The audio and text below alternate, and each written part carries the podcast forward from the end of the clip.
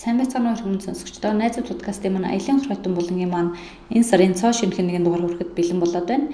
Ингээ подкастын сонсогчдыг танилцуулгаас өмнө шинээр сонсож байгаа сонсогчдоо хандаа өөрийгөө танилцуулгын зүйтэй болоо гэж бодож байна.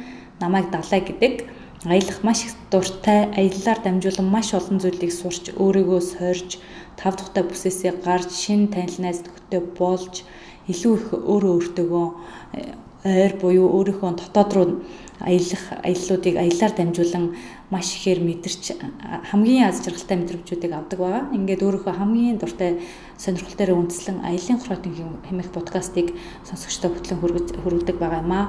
Ингээд миний подкастаа минь холбоотой санал хүсэлтээ миний Facebook хаяг болох Далай оюун, Instagram хаяг маань болох Далай кин гэсэн хаягуудаар надад ирүүлэх юм бол би маш их баяртай байх болно шүү. Манай энэ удаагийн дугаарын зочноор Lead Style вебсайтын сэтгүүлч Эрг бол гоё Facebook-ийн группийн модератор мөнхчин маань оролцоход бэлэн болоод байна. Мөнхчин маань мөн соло аялагч байгаа.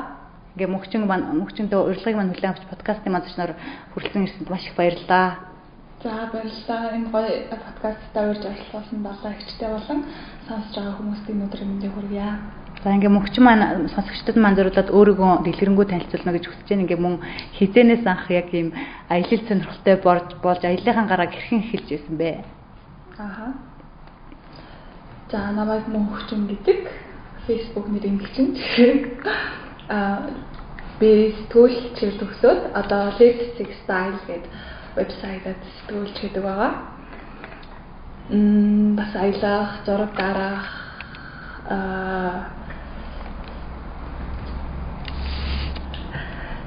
а би аялах, зураг дараах, ном унших, бичих, за шинэ хүмүүстэй танилцах хоббитай байгаа. Тэгээд анх аялсан түүх гэх юм бол 10 жилийн өмнө хаа 12 настайдаа нэг автага цог Оросын тувааруу нэг амралтанд явж ирсэн. Тийм тэгэхэд тэр чинь заа нэг 10-аад хоног байсан баха. Тийм тэр үед тэгэл юугаач мэдхгүй тэгэл Монголоос анх гарч үзэж байгаа байхгүй юу. Тэгэл айгүй гоё байгальтай бас айгүй олон найзаатай болоод тэгээ тэндээс хойш ер нь бол багасаа нөгөө айгүй дэлхийгээр аялахын сан гэдэг мөрөөдлийг тээдэг болсон. Тэгээд ингээд там болоод за өөрийгөө бие дааж эхлснээс хойш ер нь бол одоо баг багаар боломжийг өөртөө нэ гэсэн юм зарлага таваад ер нь заавалч одоо ингээд нэг гараад айгүй олон улс үзэхтэй биш одоо өөрийнхөө боломжоор тий боломжоор одоо заавал дэлхийг таньж мэдэхгүй ч гэсэн заавал монголоор ч юм уу эсвэл ойрхон байгаа улсуудаараа ер нь аялахыг ингээд зорих болсон. Тэгээд 2017 онд одоо Солонгос улс руу явж исэн. Тэгээд тэрний дараа 18 онд манай ихч Туркэд идэх байхгүй. Тэгээд ээжтэйгээ зөв ихч дээрээ нэг сар гарan байгаа. Тэгээд 5 6 хотоор аялсан мэдгийг. Тэгээд ер нь аялалд маш донтож эхэлсэн. Тэгээд тэндээс бас өөрийгөө олсон гэхүү те. Тэгээд тэгээ би чинь сургуулаа төгсөөд ажилд ороод тэгээ нэг жил явцсан байгаа байхгүй юу. Тэгээ нэг л мэдсэн чи би ингээ хайрцаглагдаад эхэлж байсан. Ерөөсөө ингээд өдөр болгон одоо уулздаг хүмүүс одоо амьдардаг газар нэг л газарт амьдраад одоо тэгээ орчин маань ч гэсэн өөрчлөгдөхгүй тэгээд баг ажлаас илүү гарч чадахгүй болчихсон байхгүй юу. Тэгээд ерөөсөө ингээд амьдралаас авах сэтгэл ханамж одоо бараг байхгүй шахуу ч юм уу ер нь одоо би юу хийгээд байгаа юм бэ гэд тэгээд за ямар ч юм би тууштай байх хэрэгтэй одоо ажиллаа бас тий одоо дөнгөж төгсчөөд ингээд аялаа тэнэд явхад одоо нэгдүгээр санхүүгийн хувьд бас одоо гэрээсээ одоо би 4 жил хичээлэгчлээ сургууль сурчлаа одоо ингээд аялна гэд мөнгө авах нь өөрөө бас утгагүй зүйл гэж бодоод ер нь хоримтлоосон мөнгө дээрээс надад амралтын мөнгөөр ингээд анхны саалаа аялалдаа гарч исэн. Уг нь би нөгөө 100 өмнөд Азаар явъя гэж бодож исэн боловч яг одоо амралтыг маань хувааж аваарэ гэд бүтнээр нөх боломжгүй гээ. Тэгээд би 27 хоног тэг амралтын өдөртөөгөө баг 16 7 хоног хятадаар аялсан мэдгийн. Мэдгийн. Тэгээд ер нь яг өмнөх аяллууд дээр болохоор би яг тийм ганцаараа зориглоод яваагүй өмнө одоо найзуудтайгаа ч юм уу эсвэл ингээд гэр бүлийнхэнтэй зүг явхад одоо би ганцаараа тэг шийдвэр гаргаа тэг өөрийнхөө дураараа тэгж яваад тэгээ тийм одоо сорилтуудтай нуур тулаагүй одоо хүмүүстэй хамт одоо тэр бүх зүйлийг одоо даван туулж исэн. Харин одоо хятадаар аялсан аялсан тэр аялал алгаар надад маш их зүйлийг ухааруулсан байхгүй юу? Би зүгээр одоо шинэ газар үзэх, шинэ хүмүүс, шинэ соёлыг таних гэхээс илүүтэй би зүгээр өөрийгөө хин би хин юм бэ? Би одоо ямар том дэлхийн ертөнцийн ямар өчөөгөн нэгцэг гэдгийг мэдрээд миний одоо амьдрал, товын амьдралтай сэтгэл байгаа тэр одоо зовлон ч юм уу зовлон ч юм дээ. Тэгээ сэтгэл байгаа тэр одоо сэтгэл зовоож түгшээж байгаа асуудал ч юм уу миний бодож байгаа зүйл бол амар өчөөгөн баг хумхайн таасноос ч түүх юм байна. Дэлхийн ертөнц маш агуу таньж мэдэх зүйл маш их байдгийг ухаарсан гэхүү дээ. Бас дээрэс нь одоо би бас өчүүхэн миний асуудал тэрнээс ч өчүүхэн бас би одоо маш цорын ганц тавтагдчихгүй хүн юм байна гэдэг одоо өөртөө итгэх итгэлийг олж авсан гэхүү дээ. Тэгээ тэндээс хойш сая сүүл нэг сард дахиад Турк улс руу Анталия гээд Анталия Памукал хотуудаар аялаад ирсэн байгаа. Тийм. За баярлалаа. Ингээ сая энэ мөхчингийн ярьсан соло аялал дээр би төвлөрч ярих гэж бодож байна л да. Би нөгөө соло аяллахын тухай бичсэн яг нийтлүүдийг Leeds аялал вебсайтаас уншаад яг өөрөө бүр ингээ аялаад байгаа юм шиг мэдрэмжийг аваад үнэхээр бүр нөгөө сэтгүүлч хүнийг бичсэн зөвлөхөөрөө бүр үнэхээр бүр уран яруу ямар гоё гэсэн тэднийг бүр яг ингээ ярих гэж утсан. Дээрээс нь тэгээд нөгөө нэг өөрөө чи одоо төлөвлөгөө яваад ингээ маш их олон фейлсэн, бүтлгүүцсэн тийм өөрийгөө бүр хинч биш гэдгээ мэдэрсэн гэсэн тийм зүйлүүдийг би уншаад бүр э, маш их тийм бэрхшээлтэй зүйлийг бүр өөрийнхөө тав тухтай бүсээс гарч чадсан байна гэж харсан энэ талаараа жоохон дэлгэрүүлж ярил. За за одоо шинэ одоо чи ямар фейл фейлээс би юу сурсан бэ гэдгийг тийм ер нь тийм.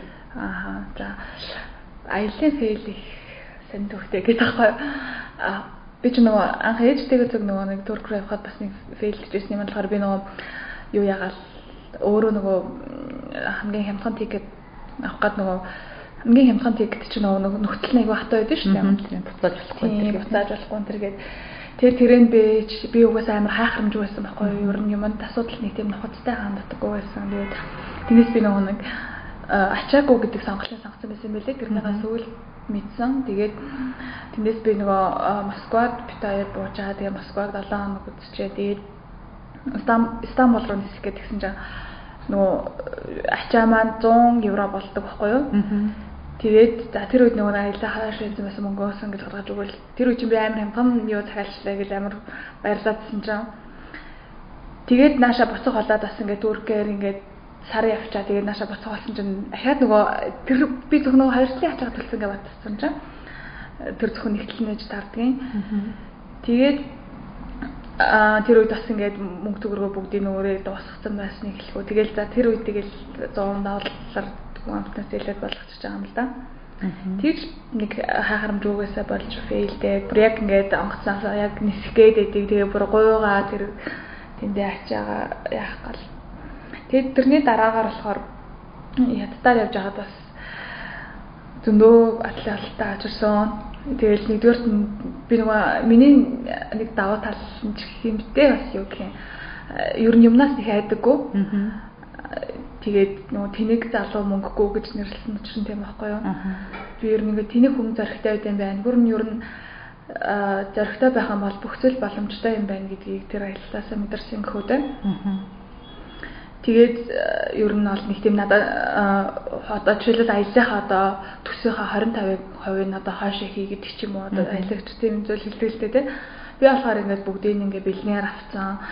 Тэгээд э, хамгийн хамгийн гол нь хятадаар аялах чинь интернетийн асуудал аюу хэцүү тийм. Тэгээ би хүмүүсийн хит хитэн юу өөрөө ч бас аяллаа одоо зөвлөгөөний төлөв бичсэн байж бас хүмүүсийн дуршлагыг уншсан байж ич тэгээд стил тэн дээр алдсан байгаа даахгүй. Тэгэл миний татаж авсан VPN-ууд ажиллахгүй. Дээрэс нь би ямар ч нэг төлөвлөгөөгүй баг аялалдаа гарахаас гарахын өмнөх шүнэл тэр нэг харж байгаа байхгүй. Би ер нь бодсон за би энэ хотуудаар явна гэд бодсон. Гэхдээ би ерөөсөө нарийн төлөвлөгөө гаргаагүй. Гэтэ бас нөгөө тийгүр а гинтийн адал явдлыг үүссэн л дээ. Тэгээд юу төлөвлөгөө бодох мантай зөвөр өмнөх одоо байхгүй байх хугацааныхаа нийтлэл дээр бүр өдөржин шөнөөрөө суугаад Тэгээд бараг шахуу төлөвлөгөөгөө бараг шахуу нэг ажилтаа төсөөгөө тэгээд гарч исэн. Тэгээд тэн дээр очиод юу яасан ч интернетэд холбогдож чаддгүй. Интернет байхгүй, татны VPN ажиллахгүй, буудлаа захиалаагүй. Тэгээд нэг Стив Джессика гэдэг нэг Америк хасууд исэн тэр хоёртаа найзуулаад тэгэл яг хотод очичоод би боцхоо яах вэ гэж амар бодоол байжсэн чинь одоо ингээд энд за ямар ч хэлсэн чи зориулж гарсан юм байна одоо энэ аялагчаа даван толж чадна гэд. Нөгөө хоёр маань аялагч усаадахгүй бас аялал жил гарна болж байгаа гэд. Тэр хоёр надаас айгүй хурам зориг өгсөн. Тэгээд тэр хоёртаа зөв би шаан гэдэг нөгөө эртний нөгөө нэг шавар цэргүүдтэй хат байдаг шүү дээ. Тийшээ яваад тэгээд тэр хоёр тэр тэнд очиж салчиж байгаа байхгүй юу. Тэгээ би тэгээ би шүнжин ингээд тусаа оролдоод ижсэн чи азар нөгөө нэг шүн VPN-аар ажиллаад. Тэгээд нэг юм буудлаа захиалчаал тэгээд translate app татчих байгаа байхгүй юу. Тэгэл тэндээ шаан ингээд дотоод буучаа тэгээд нөгөө жанжаажаа явах билетээ бичүүлж байгаа. Тэгээд би уг нь тэр хотод нэг хончоо тэгээ маргааш нь бичүүлнэ гэд тэгсэн чинь буруу ойлголцоод над руу надад яг тэр өдрийн билет бичсэн байгаа хгүй би тэр өдөр нь өглөө 10 цагт очиж хаад шөнийн 1 цагийн билет авахад маргаашийн маргааш шөнийн 1 цагийн билет бичүүлэх хэрэгтэй байтал надад тэр өдрийн шөнийн 1 цагийн билет бичсэн байсан. Тэгээд би тэр инж мэдээгүй сайхан гар тэгэл тэнэл явж байгаа хгүй. Тийм тэгэл ингээд одоо ингээд хүний над гэрчээд юугаач мэдхгүй тэгээд хүмүүсээс асуусан чинь нөгөө буудлаа захиалсан буудлаа болохгүй. Тэгсэн чинь нэг өөр нэг хотоос ирсэн залуу гээд тэнд ингээ би энэ бодлоор явмаар байна гэдгсэн чинь ингээд чи явчихдаггүй хүргээд өгөөгээд тэгээ намайг хөргөж өгөөд бүр хоол авч үлдээ айлаа тэгээ намайг танихгүй хүн тэгээд айгуу сайхан сэтгэл гаргасан маш их баярлсан. Тэг би хизээ нэгэн цагт ингээд Монголд ингээд өргөвчтэй аялагч ирэх юм бол заавал бид нар тусалж начиг нь хариулнаа гэж боддог. Тийм тэгээд Тэгээд яг нөө шавар цэргүүдээ үзчихээ, тэнд байдаг бас үзэх газруудаа үзчихээ. Тэгээд жанжаажаа явах гад гэсэн чинь нөгөө өмнөх өдөр нь захиалсан. Тэгээ явж чаддаггүй. Тэгээ яахаа мэдгүй. Тэгээ өөрийн 5 цагаас явах байгаа хгүй юу?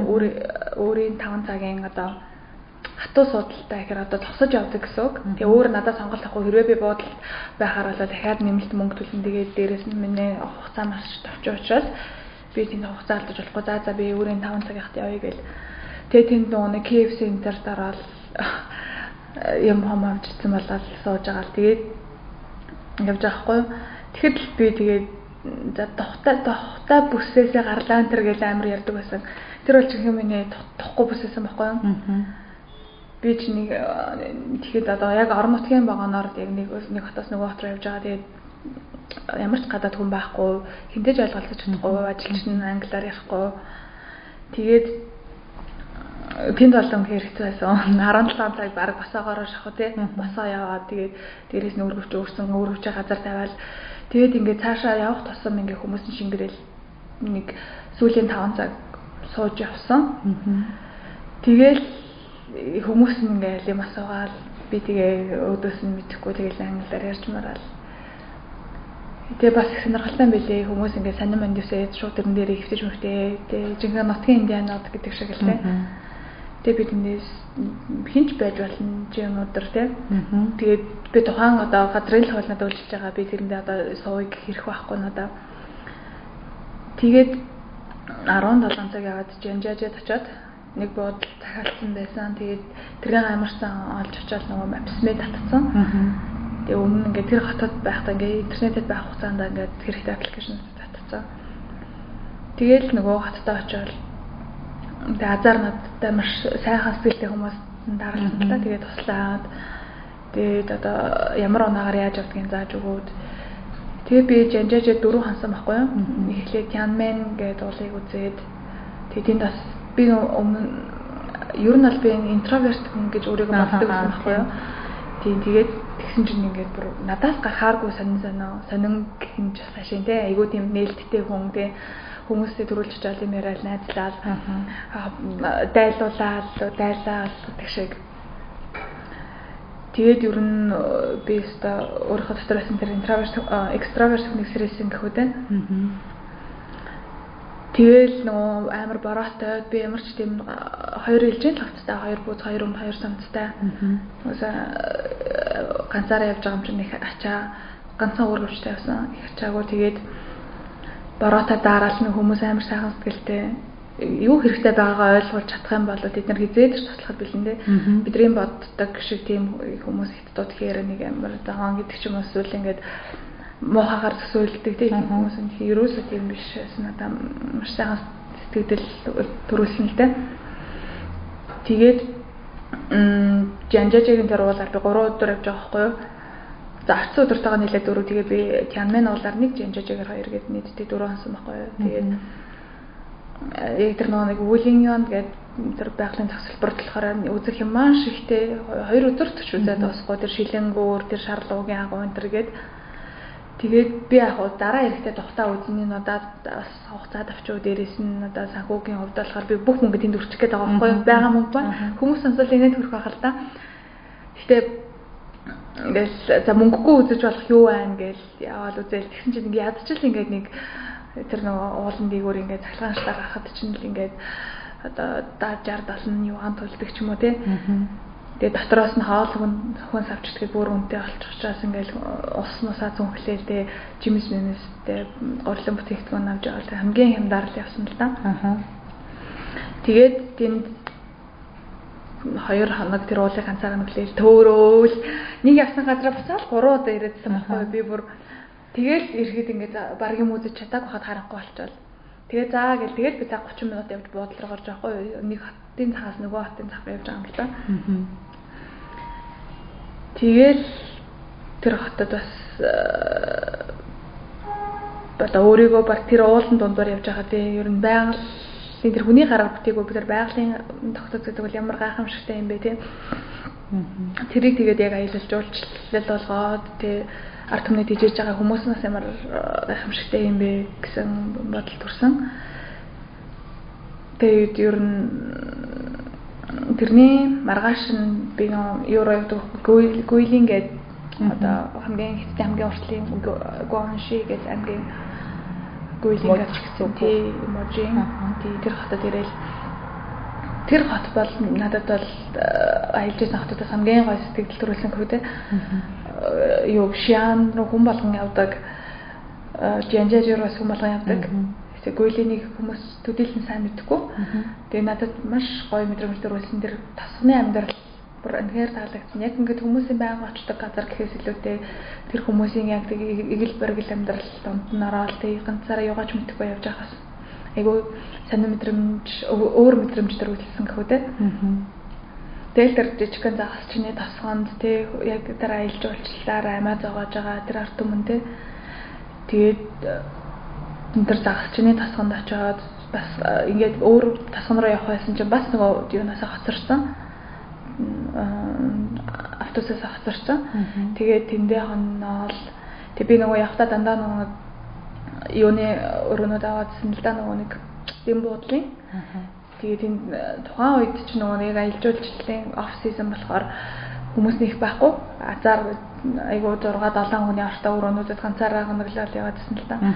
Тэгээд тэнд бас нэг ихтэй тохиолдолд танилцаад битээр арга үүр сатлын яриад тэгээд огт танихгүй ажиж амар гоё ингээд ярианы сэдв нийлээд айгуу гоё мэдрэмж авсан бас тэгээд тэр хотоосоо би яваад буцаад гуйлингээ тэр хотын төв дээрээ тэр жижигхэн загсчийн тасганаас яваад тэгээд хотын тэр хотын бас хамгийн одоо хойд захад байдаг будаа тариалангийн нэм тасан очиж байгаа байхгүй. Тэр тасан балаас надад үнээр гоё мэдрэмж төрүүлсэн. Тэнд би нэг даан охинтой танилцаад бид хоёр нэг өрөө хоноод яг оройн ингээд нар жахахыг харах гад явсан баггүй гарчаад би ганцаараа гарчаад тэгээд төөрсөн. Амар олон ерөөсөө би тэр нэг юунд бод одоо автобусны тагсаал дээр буучаад Тэгээд тэр уулан бүр дээшээ их цаа мапсмигээр захарч угаасаа ингээд шууд заад. Тэгээд ингээд өөр хөвчөө өөрсөн. Тэгээ бүр бацаалсан, бацаалсан гэсэн чинь ингээд явган хүний зам байсан байгаа байхгүй юу? Бараг э, нэлийн удаан явж иж тэгээд буудал дээр очиж байгаа. Тэгээл тэр хүмүүсийн амьдрал ах бас амар таалагдсан. Бас ингээд алх бүглүүд газар дээр нэг буудал ажиллаулаад тэгээд нийгмийн тэр одоо шахалт шаардлага одоо тэр амьдралаас бас холтой. Яг өөрийнхөө амьдарч байгаа байхгүй тэр хүмүүс. Тэр хүмүүсийн амьдралын хэв маяг зүгээр л ингээд байгаа зүйлээ сэтгэл хангамжтай байгаа. Хийж байгаа юм амар гоё хаппи хийгээд байгаа байхгүй.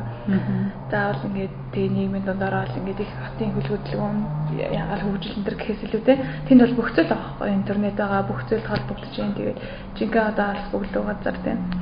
Ингээд гоё яг тэр нэг бодол ажиллаж явуулжсэн залуугийн амьдралын хэв маяг бас надад амар таалагдаад Тэгээд нөгөө э, нарж ахтайг харчаад би ганцаараа ганцаараа л та үсэж байгаа. Тэгээд буцаж олж чаддгүй бодлаа. Харахгүй болцсон. Тэгээ нөгөө нэг уулнаас нөгөө уул дээр гарсан гэсэн үг шүү дээ. Тэгэл бодлоо олохгүй ямарсан ингээл усаараа спич гасаагаал явсаар байгаа л ямарсан тэгээд байгалийн стихтээр авалж ирсэн л дээ. Бас төвч явж явж нохоо мохоод энэ товцаал дахиад ёо аим тэр ячил нэг уулын зам нь ингээд яг зассан зам мамаа олохгүй тий. Тэгэл арай буудалтай ирээл тэр нэг дай нөхөнтэй бит хоёр санилцаад тэгээ маргааш нь бас нар жалахыг харчаад тэгээд яарад ажилдаа орох хугацаа манд өгсөн. Тэгэл яарад нөгөө юун дээр ирсэн чи гуйлин гээд хотын төв дээр баг 3 цаг явж ирдэг байхгүй. Тэгэл яг 30 минутын өмнө ирж байгаа галтар хөдөлгөөс өмнө. Тэгээ би нөгөө ихчээдээ юугаа тренийнхаа билетийг захиалуулсан байсан чинь миний нөгөө паспортны дугаарыг буруу бичсэн. Тэгээд би одоо 200 гаруй мянган төгрөгөөр захиалсан баггүй захиалсан баггүй хөх хот руу явах нь. Тэгээд тэгээд тэр мөнгө байхгүй болчихж байгаа. Тэгээд дахиад билет авах гэхээр би одоо интернетээс холбогдож чадахгүй. Тэгээд ийш тийш юм юу захиалаад гэр мөрийнхэн руугаа найзууд руугаа бичээл Тэгээд ингээд мөнгө олоод ирж идэл тухайн өдрийн билет нь дуусчихж байгаа байхгүй. Тэгээ маргаашийнхаа билетийг хүчүүлчихэл тэгээд ойрхон нэг хостел олоод ямаа тавьчаал. Тэгээд за яаж зүгээр ах энэ хатад үзчихэр юу байна гээл. Тэгээд явж байгаа амир инээдтэй. Олон яаж байгаа явж байгаа би бас л хайхрамжгүй. Унаад нөгөө уцаа усруу унаачдаг байхгүй гол руу. Тэгээ амир гүн ус. Тэгээ харанхууд тэг хинч ахгүй Тэгээ ганцаараа ингээл хайгаалсан хайгаалсан баг бэлгүүсээр татчих байгаа юм чинь. Тэгээ уцгүй л бигээс хайж явж чадахгүй интернет билет л дээ. Маань тэнд байгаа. Тэгээл бүхэл мэдээлэл тэнд байгаа. Бодлооч олж чадахгүй.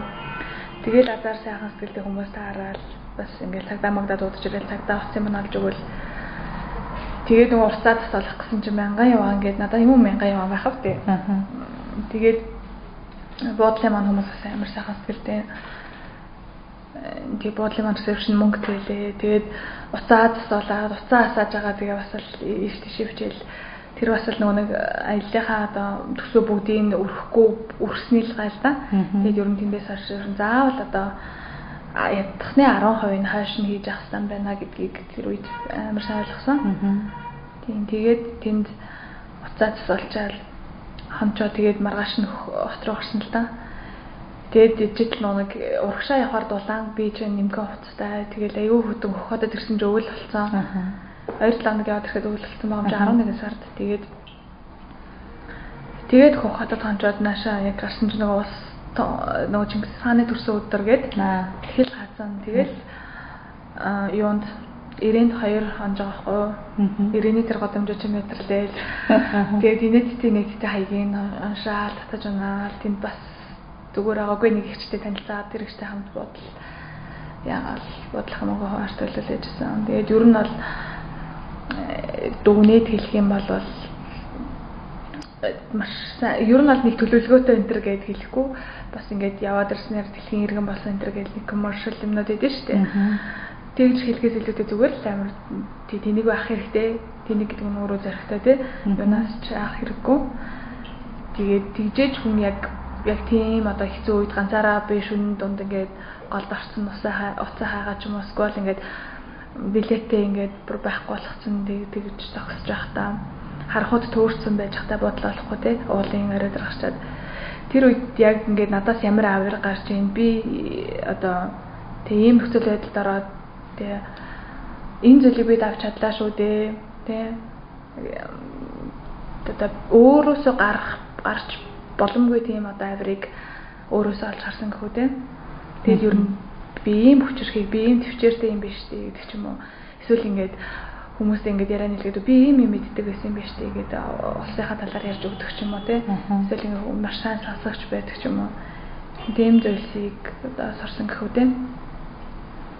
Тийм. Тэгээд угаасаа нэг мөнгөтэй явхаас мөнгөтэй яваад одоо хүмүүсийн үздэг гоё газрыг үзэхээс илүүтэй ер нь тэгж одоо төсөө багтай бараг төлөвлөгөөгөө шахуу ганцаараа тэгж одоо явах нь одоо амар сонирхолтой амар гоё экспириенс өгч байгаа хгүй дараа бодоход хүртэл тэггүй бол ингээд гоё хүмүүсийн очдог газар очиод хүмүүсийн авахалдаг зургийг авахлаад ирэхээс илүүтэй өөрийгөө сорж байгаа тэр өөрөөсөө гарч болох тэр эр зарыг мэдрэх нь өөрөө маш том сорилт байсан гэх үү. За маш их баярлалаа мөчөндөө. Бүр ингээ аяллахаа бүр деталь бүрийг ингээ маш гоё тайлбарлаж ярьсан. Баярлалаа. Ингээд чиний би нэг үгүй зүгээр ингээ бүр гоё тэр нь бүр илүү гоё сонирхолтой байхгүй. Тэгээ ингээ чиний би бол сая нөгөө нэг урд нь чиний нийтлэг унсан байсан болохоор ингээ сая ингээ ахиад сонссон чинь бүр ингээ дотор нь ороод бүр яг ингээ деталь бүрийг ингээ бүр мэдэрч сонсоод бүр гоё байлаа. А чи тэгээд одоо ингээ чиний аялал ингээ бүр маш онцгой. Одоо жишээ хүмүүс ихэвчлэн ингээ сооло аялал хийхдээ нөгөө урд нь ингээ төлөвлөөд би яг энэ нэгээр яваад ингээд ингээд энийг бүх юмаа зохицуулаад жишээ нь хостел ч юм уу буудлаа ингээд захиалаад онгоцны плеттэй эсвэл автобусны плет халтрны плет гэх бүх юмаа захиалаад ингээд бүх юмаа яг таг болгоод явдсан шүү дээ. Чиний болохоор тэгээгүй чи шууд эндээс нөгөө нэг вагон сугаал замаа өдөр гараад явсан мэлээ шүү дээ. Ганцаараа тэгсэр инсэн тэгээд ингээд бүр юм зөрөгтэй чи тэг 21 настай байхдаа ингээ аялсан шүү дээ тий. Тэг ингээд 21 настай тэгсэрнсээ ганцаараа эмгтэй хөхөд ингээд аялаад явна гэдэг бол маш том өөрийгөө ад сорьсон маш тийм одоо тав дахьтай бүсээсээ бүр бүр утгаар нь гаргаж чадсан тийм аялал юм шиг санагдсан. Тэгээд дээрэс нь чиний аялалгаар аялын нөгөө жишээ нь одоо чиний нийтлүүдийг унших юм бол нөгөө хүмүүс ч одоо ямар гоё юм бэ гэж нөгөө хүмүүсийн яг хүн болгоны нэг очиод байдаг газруудад очиод тэнгүүтээ тэгэл ингээд дараагийнхаа улсууд руу ч юм уу дараагийнхаа үзэх газар руу явчихсан шүү дээ. Чинийх болохоор ингээд тэхээс илүү тухайн улс очсон газрынхаа түүх, соёл одоо нэг зан заншлыг илүү тайлбарлсан. Тэр нь бүр илүү тийм онцгой аялын нийтлэл болсон юм шиг болсон байсан л да ер нь бол. Жишээ нь би одоо анх ингээд гадагш аялалд явж явлаа гэхэд ингээд би одоо эргэж ирээд харах гой зурагч байхгүй ямар тухайн улс ямар төгс соёлтой байсан ч ингээд мдээгүй ингээд бүх бүх ямар гоё юм бэ ямар гоё юм бэ гэсэн мэдрэмжээр явж ирсэн байсан ингээд сүлд нь анзаарсан анзаарсан хгүй тэгээд чиний нийтлийг хараад ингээд яриансны сонсоход бол ерөөсөө тийм биш. Өөрийгөө сориод ингээд яг ингээд өөрөө өөртөө хийсэн аялал тухайн гадаад улсаар аялсан ирнэсээ өөрийгөө илүү тайлсан зур аялсан. Одоо чи жишээ нэг бусад нэг өөр хүнтэй явж явах юм бол нөгөө тухайн хүн дээр найдаад ч юм уу. Тэгээд тухайн хүнтэйгээ яриад нөгөө нэг ингээ өөрийгөө мэдэрч байгаа юм шиг өөртөө хүч чадлаа мэдэрч байгаа. Жишээ нь чи өөрийгөө интроверт гэж боддог байснаа тийм экстроверт гэсэн юм байна. Тухайн ямар ч орчинд өөрийгөө ингээ тасан зохицох чадвартай, юу юу ч ингээ даван туулах чадвартай юм байна гэдгийг ер нь мэдээд ирсэн гэж байна шүү дээ. Тэр болгон чинь бүр тэр нэр нь тийм байна ийм юу алхмыг зөрөгтэйгээр хийх хэрэгтэй юм байна. Хүн тухайн зүйлийг одоо нэг бодолтоонд би болгочоод ингээд тийм юм болох ч юм уу үгүй ч юм мэдгүй ш. Тэр чинь ингээд тухайн өөрийнхөө бодолтоо нөгөө зохиочоод болохгүй зүйлийг яг ийм юм болчихно болохгүй бүтгүй гэдэл ер нь бол ихэнх хүмүүс тэгээд идэв штэ. Тэгэхээр чиний аяллаас ингээд ярианаас ер нь бол үгүй тийм юм байдаггүй. Ер нь нөгөө жишээ нь муугаас илүү сайн зүйлэнд илэрхийлсэн их байдаг. Муу зүйл тохиолдсон ч гэсэн хүн өөрийнхөө нөгөө өөрт байгаа тийм хүч чадлаараа шийдээд явах боломжтой шүү гэдгийг нөгөө харуулсан аялал юм шиг санагдсан л да. Тэгээ дээрэс нь нөгөө одоо үргэлж одоо жишээ нь бид нар чинь монголчууд ихэнх нь нөгөө хятадуудыг яг ингээ өнгөц байдлаараа яг ямар байдлаар ч тэгж дүгнээд орно мэддэхгүй нөгөө дандаа муу хүмүүс тийм бодлоо дээр дүгнж байгаа байхгүй тий асуудал ярианаас дүүх дээр ч юм уу? Тий яг өөрөө тэрийг экспириенс хийгээд өөрөө мэдрэх хэрэгтэй тэгжээж дүгнэхгүй дүгн ер нь бол бас тийг дүгнэх хэрэг бид нарт байхгүй шүү дээ тий. аа шүү Тэгээ би ч гэсэн яг ингэ чамтай адилханаар одоо нөгөө нэг хятад ганц хятад гэхгүй дэлхийн ертөнцид муугасаа илүү сайн үнэнүүд үргэлж олон байдаг. Үргэлж одоо жишээ нь ингээд чам шиг тав тухтай бүсээсээ гараад явах юм бол сайн үнэтэй таарлан өөрийгөө илүү сорин, өөрийгөө илүү танин гэж ер нь бол нэг тэрнтэй бат юу яадаг санал нийлдэг.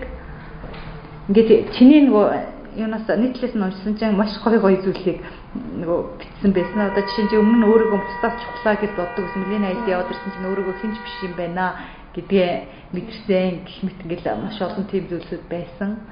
Тэгээ энэ тал дээр нөгөө нэг одоо чи жишээ нь одоо үл ингээ ихнийхээ алтмыг тийм бүр ямар ч төлөвлөгөөгүй юм ингээ даван туулаад ирсэн чи одоо дараагийнхаа одоо жишээ нь суулаа аялал гарах ч юм уу дараагийнхаа ямар нэгэн эрсдэлтэй алтмыг хийхэд бол бүр ингээд маш бэлэн байгаа гэж шүү дээ тэр зүг.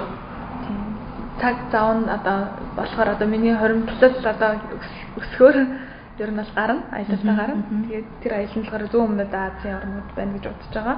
Гэхдээ ингээд яг жуулчин шиг яваад ирэх биш. Давхаан орнд болохоор аль болох боломжит удаан хугацаагаар амьдарч үзхийг юу гэсэн байхгүй. Тэгэхгүй бол нэг үзээд явах нэгөөр тэнд очиод амьдраад те тэр хүмүүсийн донд уусаад ахуй амьдралыг нь яг ингээд мэдрэх нь бол шал өөр хэрэг байхгүй. Бид нар мэдрэх гэж байна гэж зураг авахуулаад ингээд ингээд өнгөц яваад байдаг. Тэр бол мэдрэх биш юм байна. Түүхийг мэдэх хэрэгтэй байна. Тухайн хүмүүсийн одоо тий философийг мэдрэх хэрэгтэй юм байна. Тий амьдрал ахуйг нь мэдрэх хэрэгтэй юм байна. Тэгжээж үнэхээр ингээд би одоо аяллаа аяллаж ирсэн гэж одоо ам бардам хэлэх юм болов. Тухайн нэг аялсан газруудын төгс соёлыг мэдээд ер нь бол ийм онцлогтой ийм ард түмтэй уулзалт байна гэдгийг илүү нарийн одоо тодорхой яг одоо бодис байдлаас нь харж аялна гэсэн үг шүү дээ. Ихэнх хүмүүс хүмүүс одоо маш их аялдаг л да тий. Би ч одоо нөх олон газраар аялаагүй. Хэрнээсээ одоо яагаад ингэж миний одоо дөрвөн улсаар явсан гэсэн одоо амар баялаг түүхтэй юм шиг сонсоо бичээд байгаа вэ гэхээр зэрэг одоо хүн ер нь биччихээж одоо мэдлэгийг бид нар одоо ингээд инпут хийж гэн тий аялаж үзэж гэн юм харж гэн харж гэн тэгчээд бид нар ингээд за зурга паслаад ингээд орхичдаг ч юм уу тий тэрнээс илүүтэй ингээд бичих нь амар их ад жаргалыг өгдөг байхгүй юу? Тухайн моментод моментыг дахиж мэдрүүлж байгаа байхгүй юу? Тий би мэдрээ зогсохгүй ингээд маш олон хүмүүс тэр мэдрэмжийг өгч гинэ гэдэг утгаараа би одоо тухайн одоо өөрийнхөө мэдэрсэн зүйл дээрээс нэмэх тухайн улсын түүх соёл те. Одоо миний төр би одоо юун дээр алдсан бэ? Хүмүүс одоо юун дээр анхаарах хэрэгтэй вэ гэд бичиж байгаа нь өөрөө амар том одоо бараг тэр одоо аялаад ирсний бараг 40% ч юм уу 40% туршлага болж авахгүй тэр бичвэрээ.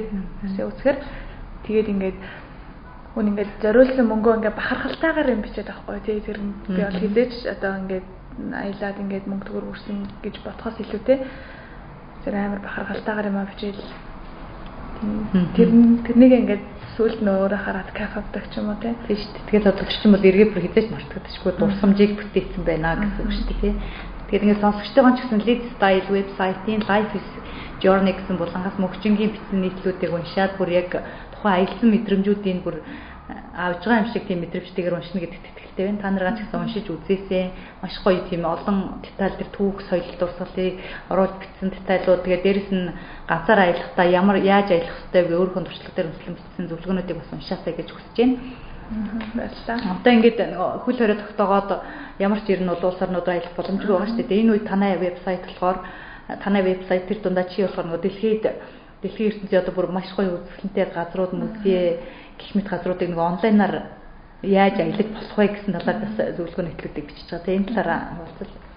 Тий, одоо ер нь нэг газрууд нийгмийн хариуцлагынхаа хүрээнд те одоо ингээд өмнө нь ингээд үнтэй тавьдаг байсан бичлэг ч юм уу одоо тийм төлбөр төлөөд үзэх боломжтой байсан одоо тэр одоо үзүүрүүлчлэгээгээ одоо хүмүүст одоо гэрээ өхөл хороонд байгаа хүмүүст зориулаад ингээд өнгөө болгож байгаа би хувийн төгсөл маш сайшаал дандаад тэгээд хүмүүс маань ч гэсэн монголчууд маань ч гэсэн мэдчихээсэй те одоо өхөл хороонд байгаа гэртээ удаж байгаа ч гэсэндээ ингээд дэлхийн ертөнцийн нэг хэсэгт ингээд яг ингээд жигнэсээ очсон юм шиг мэдрэмжийг авчаасай гэсэн одоо хүслээр одоо тийм зүйлийг одоо хайж олоо те тийм боломжийг. Тэгээд чадан ядан одоо орчуулсан тавьж байгаа. Та бүхэн ор сонирхаарай. Тэгээ одоо нөгөө нэг яг биеэрээ явж юу аялахгүй ч гэсэн онлайн орчноос бол одоо бүх юмыг үзээд нөгөө тухайн орчин би бас нөгөө чиний тэр нийтлэг уншсныхаа дараа ингээ орж үтсэн л тээ. Тэгсэн чинь ингээ тэрийг бүр зургуудын хахад бүр аягүй хөвжиж штэ. Ингээ бүр эргүүлээд ингээ бүр үнцэг болон бүрт ингээ тойруулж мөрөлөө үзэх бүр яг ингээ бодит мэдрэмж авч байгаа юм шиг гоё мэдрэмжийг авсан. Ингээ бас ийм гоё шинэлэг одоо нөгөө одоо жишээ нь карантин тогт хүмүүс юу хийхээ гэж зарим өөдөж бид доош та тухайн үед ингээ өөрийгөө хөгжүүлээ хажуугаар нөгөө аялахыг хүсдэг бол очиж үзэхийг хүсдэг байсан газруудаа бараг очиж үзсэн шиг мэдрэмжийг авах боломжийг олгосон бас баярлалаа гэж хэлмээр байна. За ингээд э, би подкастынхаа нөгөө төгсөлд ингээд орж юу зочид болгоноосоо ерөнхийдөө нөгөө одоо эколог байгаль дэвтэлтэй ч юм уу хогоо ихтэй холбоос ч юм уу энэ талаар асуух гэсэн байхгүй одоо чи мөнхч маань бүр маш жоохоо одоо 22 настай охин. Гэхэд одоо ингээд тухай өөрийнхөө үеийн залуус тандаад одоо жишээ нь ер нь бол би одоо ингээд хог аялал болон одоо энэ нөгөө энэ байгаль орчинд хүмүүсийн хандлагаар арай бүр ингээд харамсал харамсмаар байгаа байхгүй юу? Ямар ч тийм нөгөө нэг өөрийнхөө гэрте хогоо хайдаггүй хэрнээсээ гудамжинд яг жишээ нь ингээд барьж өгсөн хогоо зүгээр нэг шидэж байгаа гэрте мэл хэдэж тэгж хайдаггүй шүү дээ. Жишээнд шүлсээ хамаагүй хайж яана тамхиныхаа шиг шидэж яанч гэдэг ч юм уу. Одоо ингээд тийм зүйлс маш их байдаг Тэгэд би тэрийг харангуйтаа нөгөө нэг хүй хогоо хогоос аванд хилдэг гэдэг ер нь бол ингээд тухайн хүн болгоод хилдэг. Тэгсэн чинь тухайн хүн ингээд газартаа сонсоод бол хэдэж тэрийг нөгөө хэрэгжүүлэхгүй шүү дээ. Ер нь бол тэгэхээр ингээд чи энэ тал дээр ямар бодолтой байдаг вэ? Одоо чи энэ тал дээр ингээд тухайн амьдарч байгаа орчноо эсвэл ингээ байгаа газартаа хогоо хаяхгүй ч юм уу байгаль орчны хамгаалалт дээр одоо нэг залуустаа уриалга гарвал ямар уриалга гарах вэ? Ааха.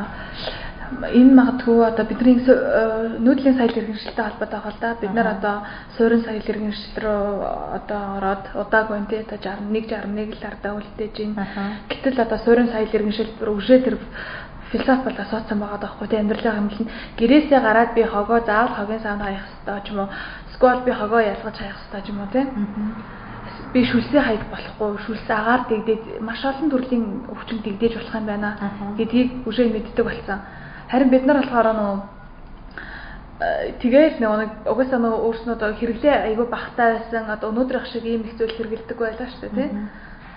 А тэгээд ирэхээр бид нар одоо өнөөдөр ингээд хитрхи одоо ингээд одоо хит хэрэглээ материалист болж хилжиж जैन энэ бас би нэг шүүмжлэлтэй хандаад байгаа юм биш? Бас. Тийм бидний ч одоо нэг ягаад одоо дэлхийн ертөнцийн тренд болоод байна л да. Гэхдээ одоо бид нар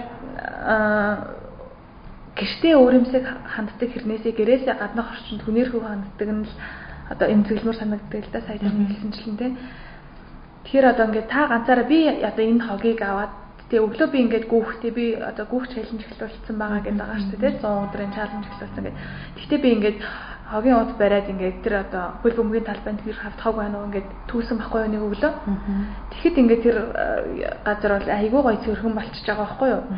Тэгэхээр ингээд та ингээд би одоо энэ хогийг хаяхгүй байснараа энэ хог нэмэгдэйлэн тий. Эсвэл би нэг түүсэн ч гэсэн хүмүүсийн би э, хүмүүсийн хайсараа хүмүүсийн хандлагыг өөрчилж чадахгүй гэж бодож болохгүй. Одоо туслыг хор агуулталаа гэдэг шиг одоо таны нэг үйлдэл тий магадгүй маш олон одоо харж байгаа жоохон хүүхдэд ч юм уу нөлөөлж байгаа магадгүй та тэр үйлдэлээрээ найз нөхдөдөө хүрээлж байгаа хүмүүстээ одоо өнөөдөр биш ч гэсэндээ магадгүй одоо 2 3 жилийн дараа нөлөө үзүүлэх боломжтой. Тэгэхээр та өөрөөсөө хэлээрэй гэж хэлэх байна. Тэгээд дээрэс нь одоо дахиад нэг зүйлийг хэлэхэд бас нэг хит худалдаа авах хэрэг зүйл бас би сүүлийн нэг жил айгу цэндүүртэй хандж байгаа л да. Тэгээд харагцсан болгоноо ингээд надад ингээд үнэхээр чухал уу гэд одоо айгүйх боддог болсон. Тэгээд одоо юм хөдөлтөж авахтаа хүртэл одоо аль болох одоо байгаль дээлтэй тий одоо баглаа ботол нь ядч хавцар биш. Тийм одоо эко бара бүтээгдэхүүн одоо сонгоёг ирэмэлдэж байгаа. Тэгээ хувцас баг авахаа болсон. Тэгээд байгаа хувцаараа болгож юм. Яг энэ маань болохоор нөгөө энэний цаана хувцас гэдэг маань маш их одоо ус үрдэг одоо үйлдвэрлэлийн салбар л да тийм. Тэгээ тэгээд тэрэн дээрээс нэг одоо хөдөлмөрийн төр мүлжлэг явагдаж байгаа байхгүй тий дараа одоо хөгжил буурай орнуудад тий. Тэгээд тэр хэрсээр бид нар өнөөдөр болгож байгаа юмдаа ингээд боломжоор болгоод амьдарч болно шүү дээ тий. Заавал ингээд тренд дагаад ингээд сизон дагаад тэрийг ингээд авахаас илүүтэй одоо энэ хувцаада жишээлбэл ингээд авж байгаа тэр э, нэг цамцны цаана одоо хичнээн литр ус сурагдаж байгаа үлээ тий хэдэн хүний ингээ мүлжлэг явуулж байгаа үлээ. Байгалийн тэр нөөцийг яаж үр ашиг үүрж байгаа бол гэж ботхоор ингээд өнөөдөр ингээд тэр хүсэл ингээд дарагдчихдаг байхгүй юу. Тэгээ тийм болохоор ингээд э, ухамсартай бас хэрэглээтэй байцгаая. Тэгээ өнөөдөр ингээд зөвхөн бидний амьдраад явах дэлхийн ертөнц биш. Бидний өөрөө өөр хайчийн үлдэх дэлхийн ертөнц учраас тэгээ хариуцлагатай ухамсартай юм байцгаая гэж уриалах байна. За маш их баярлалаа. Би ч гэсэн яг мөнхчингийн хэлсэн санаануудтай бүр яг санал нийлж байна. Жишээ нь би одоо яг тэр нөгөө нэг хүний үйлдэлгээ хүмүүс би ганц энийг хийснээрээ дэлхийн ертөнд цэвэрхэн болчихгүй, миний байгаа орчин цэвэрхэн болчихгүй гэж ихэнх хүмүүс тийм хандлагатай байгаад байдаг тийм. Тэрэн дээр би ч гэсэн нэг хүний үйлдэл гэсэн таны танаас гарч байгаа тэр хогоо идэл та өөрөө анхаарал эхлэх юм бол э, тодорхой хэмжээгээр хогоо идэл багсан. Тэгээд дээрэс нь таны үйлдэлийг хараад эргэн тойрны хүмүүс чинь яг ингээд бүр үйлдэлээ өөрчлөхийг хичээгээд ингээд өөрчлөлтийг хийгээд эхэлдэг юм байна лээ. Тэрийг би бас яг өөр дөр ингээд мэдэрсэн. Би гарны хугацаанд нөгөө одоо zero waste бүтээгдэхүүнүүдийг сонгоод яг ингээд хэрэглээд ингээд э, тухайн яг авж байгаа юм болгоно ч гэсэн нөгөө өөрийнхөө Facebook, Instagram дээр ингээд постлоод ерөнхийдөө хүмүүсийг ч гэсэн ингээд яг өөрчлөлтөөсөө гэж хүссэн үднэс яг ингээд постлоод байгаа байхгүй юу Тэгээ яг ингээд баг зэрэг өөрчлөлтүүд л ингээд гардыг байлээ. Тэгээ дээрэс нь бас нэг хүний таны хийж байгаа тэр үйлдэл болгон ч хоригдлагдаад дэлхийн ертөнцид маш том хэмжээний хувь нэмрийг оруулж байгаа гэдэг их төлөвлөрөө маш их зүй санал нийлдэг. Тэгээд ингээд сонсогчтойгоо ч гэсэн яг байгалдаа байгаа орчиндөө ээлтэй ингээд зөв хандлагатай бусдад тухайн жижигхэн ч гэсэн зүйлсийг ингээд түгээдэг байгаасаа гэж хүсдэг. Аа маш их баярлалаа. За ингээд подкастын төгсгөлд одоо мөгчөнтэй маань манай сонсогчид маань хэрхэн холбогдож болох вэ? Жишээ нь сошиал аюудаа хэлж болох уу? Жишээ нь одоо за лид лид стайл вебсайтаас бол юу нийтлүүдийг нь бол ганцхан зөвхөн аялалтай холбоотой биш маш олон төрлийн орчуулгын болгон одоо Монголын одоо нэг болж байгаа яг тийм юу нийтлүүдийг бол бичдэг байгаа шүү дээ тийм. Тийм. Аа би одоо сарчлага гэдэг хэлчих юм те гэдэг байна. Хэлчихвэл чиний одоо жишээ нь аяллаа чинь юу чи чи медиум дээр блог хийдэг шүү дээ. Медиум дээр би Jinji Monkey гэдэг аккаунттай. Тэгээд Let's Style гэдэг орох юм бол за нийтлэлчэд боломд байгаа. Тэгээд миний Facebook хаяг болохоор инхчин жинжи. Энийг идэвхтэй бол ашигладаггүй. За Instagram-аа жоохон идэвхтэй ашиглах ашиглаж байгаа. Instagram-аа болохоор жинжи намад гэж байгаа. Тэгээ сонсогчд маань саяны нөгөө чиний ярьсан ярианаас жишээ нийтлэл дээр чинь нөгөө бичигдээгүй зүйлсээс илүү дэлгэрэнгүй асуух зүйлс байх юм бол одоо чиний сошиал аягуудаар бол холбогдоод асуух боломжтой шүү дээ тийм. Аха. Тэгэл яах вэ? За ингээд урилгыг маань хүлээн авч подкастад өөрийнхөө маш үнэтэй сургамж туршлагаа хуваалцсанд маш их баярлалаа. За далаагчтай бас энэ гоё подкастта урьж оролцуулсанд баярлалаа.